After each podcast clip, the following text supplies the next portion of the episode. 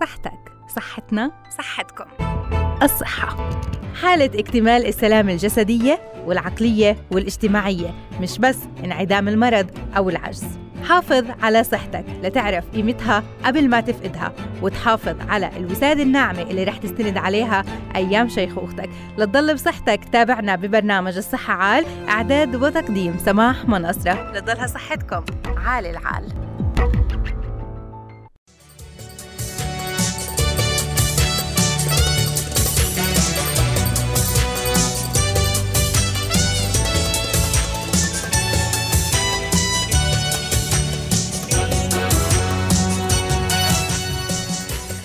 الصحة عال عبر علم اف ام يسعد مساكم. اللي اليوم رح نحكي فيها عن الصداع.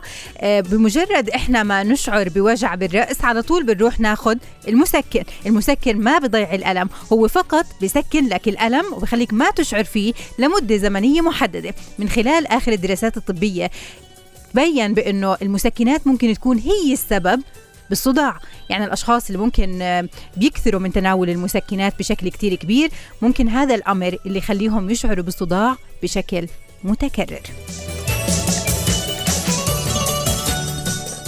اليوم بدنا نحكي عن الصداع. شو هو وكيف بيحدث؟ شو أسبابه؟ بالإضافة للعلامات المهمة للصداع والمسكنات شو علاقتها بالصداع؟ وكيف بالإمكان أنه إحنا نستدل على الطريقة المناسبة لاستخدام المسكنات أو نبعدها عن حياتنا بتاتا. ورح نحكي كمان عن كيفية علاج الصداع والوقاية منه مع الدكتور أخصائي الطب الباطني الدكتور أنس شلال في ضيفنا بالأستوديو.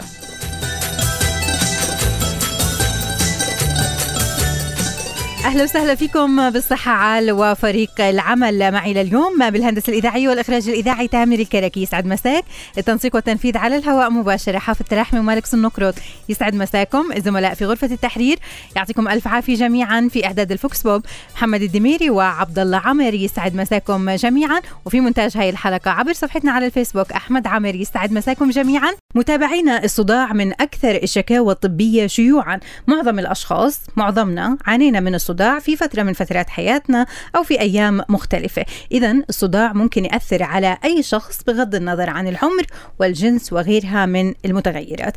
اليوم بدنا نعرف شو هو الصداع. الشخص لما بيصدع يروح للمسكنات كخيار ممكن وحيد أمام عيونه ولا يلجأ لأمور تانية لعلاج هاي الحالة اللي ممكن تكون لا سمح الله عرض لأسباب خطيرة. فاليوم بدنا نحكي أكثر عن الصداع كيف بيحدث شو طرق العلاج والوقاية شو العلامات المهمة للصداع شو بتسبب المسكنات وكثرة تناولها للأشخاص اللي بيعانوا من الصداع المتكرر. هذا الموضوع اللي بدنا نناقشه لليوم مع ضيفنا بالاستوديو أخصائي الطب الباطني الدكتور أنس شلال. في أهلا وسهلا فيك دكتور. في البداية أهلا وسهلا فيك اعلاميتنا المميزة سماح مناصرة. يسعدك. آه، مساء الورد لكل طاقم الإعداد آه، في الأستوديو آه، مساء الورد لكل مستمعينا ولكل مستمعين راديو عالم. في البداية آه، تحياتنا للجميع ولكل مستمعينا الكرام. الله يسعدك. أهلا وسهلا بحضرتك. دكتور بداية بدنا نعرف شو هو الصداع. يعني إحنا بنعرف بأنه بصير معنا وجع في الرأس. هذا الوجع بيكون مؤلم بشكل كتير كبير. بس إنه شو شو السبب الطبي وشو تعريف الصداع من الناحية الطبية؟ نعم يعني حقيقة موضوع كثير جيد نتناوله اليوم لأنه ما أعتقد فينا شخص إلا بمرحلة ما عانى من الصداع مزبوط. فالصداع علميا هو أي ألم في الرأس أو في أي جزء من الرأس م. يعني بمعنى آخر قد يكون الصداع على شكل ألم في مقدمة الرأس قد يكون ألم في مؤخرة الرأس قد يكون على الجانبين وقد يكون ألم متكامل في كل الرأس ويمتد أحيانا إلى مناطق آه، في آه، العنق طيب دكتور هلا يعني أي شخص ممكن يكون عرضة للصداع؟ مزبوط ممكن طفل صغير بالضبط. ممكن شاب ممكن صبيه ممكن مسن يعني الكل معرض لهي الحالة.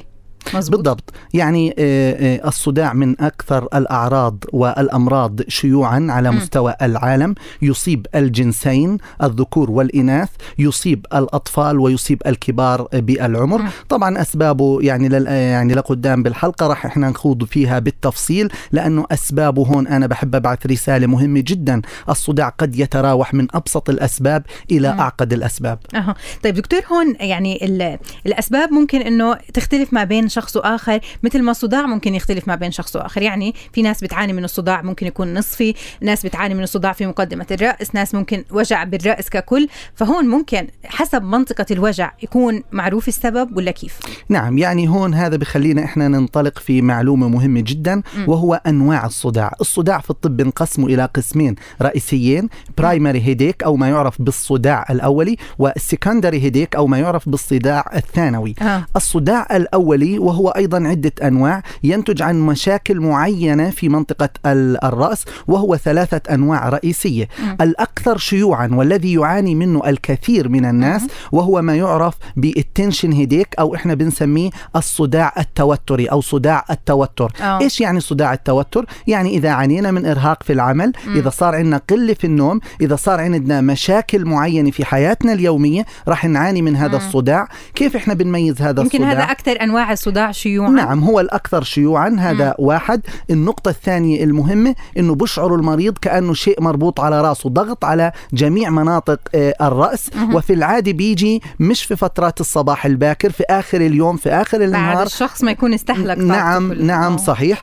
وهو هذا يعني ليس له أي معنى طبي من ناحية مم. إنه ما بخوفنا لكن هو مزعج للمريض النوع الثاني وهو الصداع النصفي كثير بيسألونا ليش يعني إحنا سميناه الصداع النصفي أو ما يعرف بالمايجرين آه بظهر بنصف من الرأس نعم يعني نوعا ما في 90% من الحالات بالضبط يعني سمي مم. نصفي لأنه يصيب نصف الرأس ولكن ليس شرط فربما مم. الصداع النصفي أيضا يصيب آه، مناطق أخرى من الرأس مثلا ممكن يعمل ألم في جميع مناطق الرأس لكن ما يميزه أنه يعني متصاحب ومترافق مع نوع من الغثيان مم. اضطراب في الرؤية ودوار عام يعني في العادة بيجونا مرضى الصداع النصفي ألم في الرأس والمريض قد يستفرغ قد مم. يشعر بنوع من يعني آه، في الغثيان. علامات مرافقة لهاي الحالة حالة الصداع بالضبط فبالتالي كلمة نصفي نعم 90% مم. من الحالات نصف الرأس لكن ليس الشرط. للتشخيص مم. والنوع الثالث من الصداع الأولي وهو الكلاستر هيديك أو ما يعرف بألم الرأس العنقودي ألم مم. الرأس العنقودي وهو منتشر بنشوفه في عياداتنا وبنشوفه بالمستشفيات هو عبارة عن ألم شديد ومفاجئ في العادة في منطقة العين وممكن أيضا مم. يعمل لنا احمرار في العين مزبوط. وقد يعمل انتفاخ في العين بيجي مم. المريض يشكو من ألم وهو يعتقد أن هذا الألم ناجم عن خلل في الرؤية والإبصار آه، آه. لكن بعد الفحص الدقيق الفحص السريري الطبي الدقيق يتبين أنه هذا ألم الرأس آه، مم. العنقودي وبالتالي بناء على هذه الأعراض يتم تشخيصه هسه ننتقل إلى النوع الثاني وهو النوع السكندري هيديك أو ما يعرف بالصداع الثانوي وهون أنا بحب أركز على نقاط مهمة هذا النوع قد يكون أسباب بسيطة وقد تكون أسباب معقدة. يعني قد تكون الأسباب بكل بساطة خلل في البصر والرؤية. مثلا قصر النظر طول النظر الانحراف. فهذا ممكن يعمل لنا صداع آه، شديد.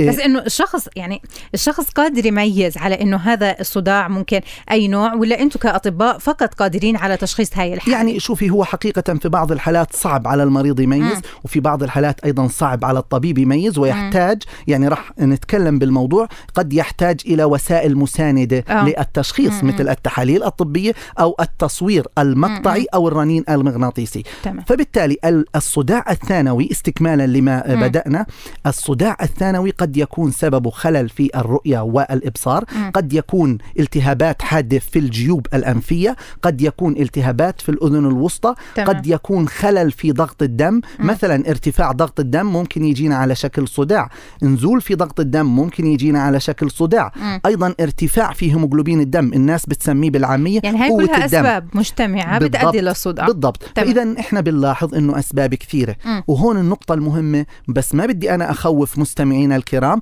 قد يكون الص- الصداع لأسباب أكثر خطورة مثلا التهاب أغشية السحايا أو لا سمح ولا قدر الله اورام موجودة على الدماغ لا سمح الله. لا سمح ولا قدر الله تمام. فهي أسباب متنوعة حقيقة وإحنا كمان رح نستكمل معك دكتور ونستكمل معكم متابعينا شو العلامات المهمة للصداع المسكنات هل بتكون الحل لمشكله الصداع خصوصا الصداع المتكرر وكيفية العلاج والوقاية؟ بالعودة لحضرتك دكتور بعد هالفصل القصير خليكم معنا. كونوا معنا متابعينا والحديث أكثر عن علامات خطيرة ممكن للصداع وعلى شو بدل الصداع إذا بنبهنا لمشكلات صحية أخرى. ابقوا معنا تفاصيل كثيرة في برنامج الصحة عال. تحياتنا لكم متابعينا بالاستكمال في موضوع آه، الصداع والعلامات المهمة للصداع بالعودة للدكتور أنس شلال في أخصائي طب الباطني. كنا بنحكي دكتور قبل الفاصل عن أسباب الصداع هي أسباب كثيرة وأنتم كأطباء قادرين ممكن على آه، التشخيص. بس العلامات المهمة للصداع يعني كيف الشخص يلاحظ بعض هاي العلامات؟ نعم يعني إحنا بنسميها علامات مهمة إذا وجدت وترافقت مع الصداع تستدعي الذهاب إلى الطبيب للفور. آه. إذا ترافق هذا الصداع مع استفراغ أجانا مم. المريض صداع مع استفراغ يعني القيء والاستفراغ. رقم اثنين إذا ترافق الصداع مع اضطرابات في الرؤية صار تشوش. أو خلل أو عدم وضوح في الرؤية. النقطة الثالثة إذا هذا الصداع صحانا من النوم إذا صرنا نصحى من النوم على ال- ال- من الصداع. الوجع. بالضبط. فهاي الأعراض بنسميها إحنا خطوط حمراء.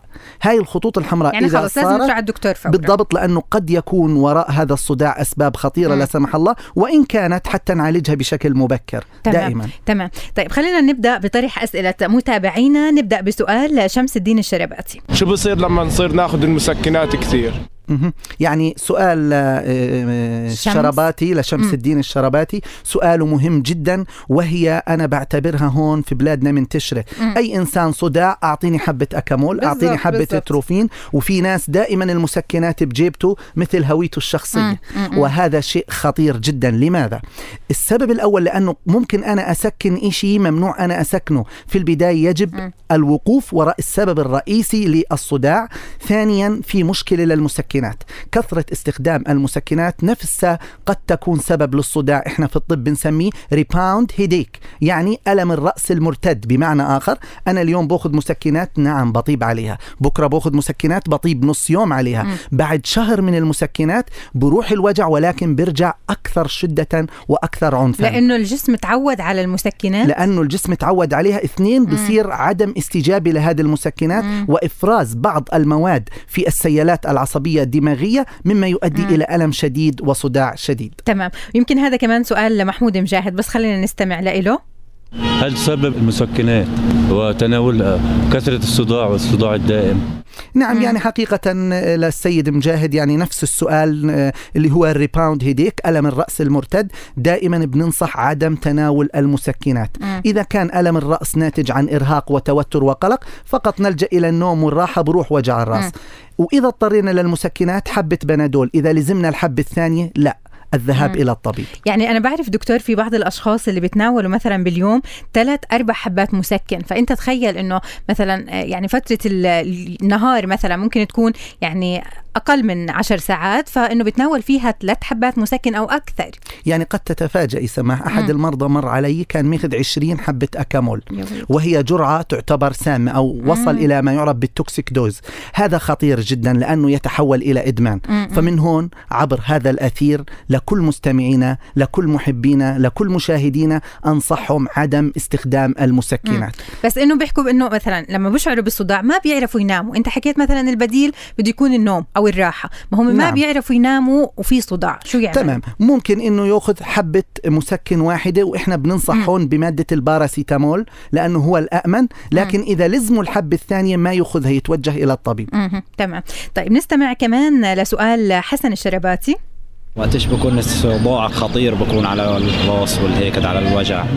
يعني سؤال السيد حسن الشرباتي كثير مليح. متى صداع الراس إحنا بنعتبره خطير, خطير، آه. حكينا فيها إذا هذا الصداع ترافق مع استفراغ.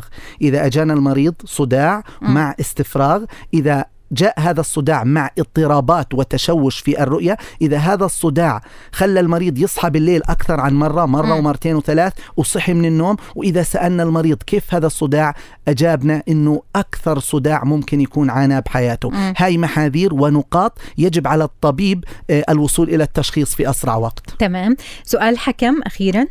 إيش هي العلامات اللي بتخليني أروح على الدكتور لما يصيبني صداع أو لما يصيبني صداع كثير أروح على الدكتور ولا لا ولا كيف. يعني هذا السؤال متى نتوجه للطبيب. في حالات الصداع نتوجه للطبيب في حال حدثت عندنا أحد العلامات اللي إحنا ذكرناها سابقا. نتوجه إلى الطبيب في حال أصبح ألم الرأس مزمن. وهذا له تعريف متى أنا بسمي الصداع صداع مزمن. إذا كان الصداع أكثر عن 15 يوم بالشهر لمدة ثلاثة شهور هذا يصنف صداع مزمن يجب. التوجه إلى الطبيب إذا أصبح الصداع لا يستجيب لأي نوع من المسكنات.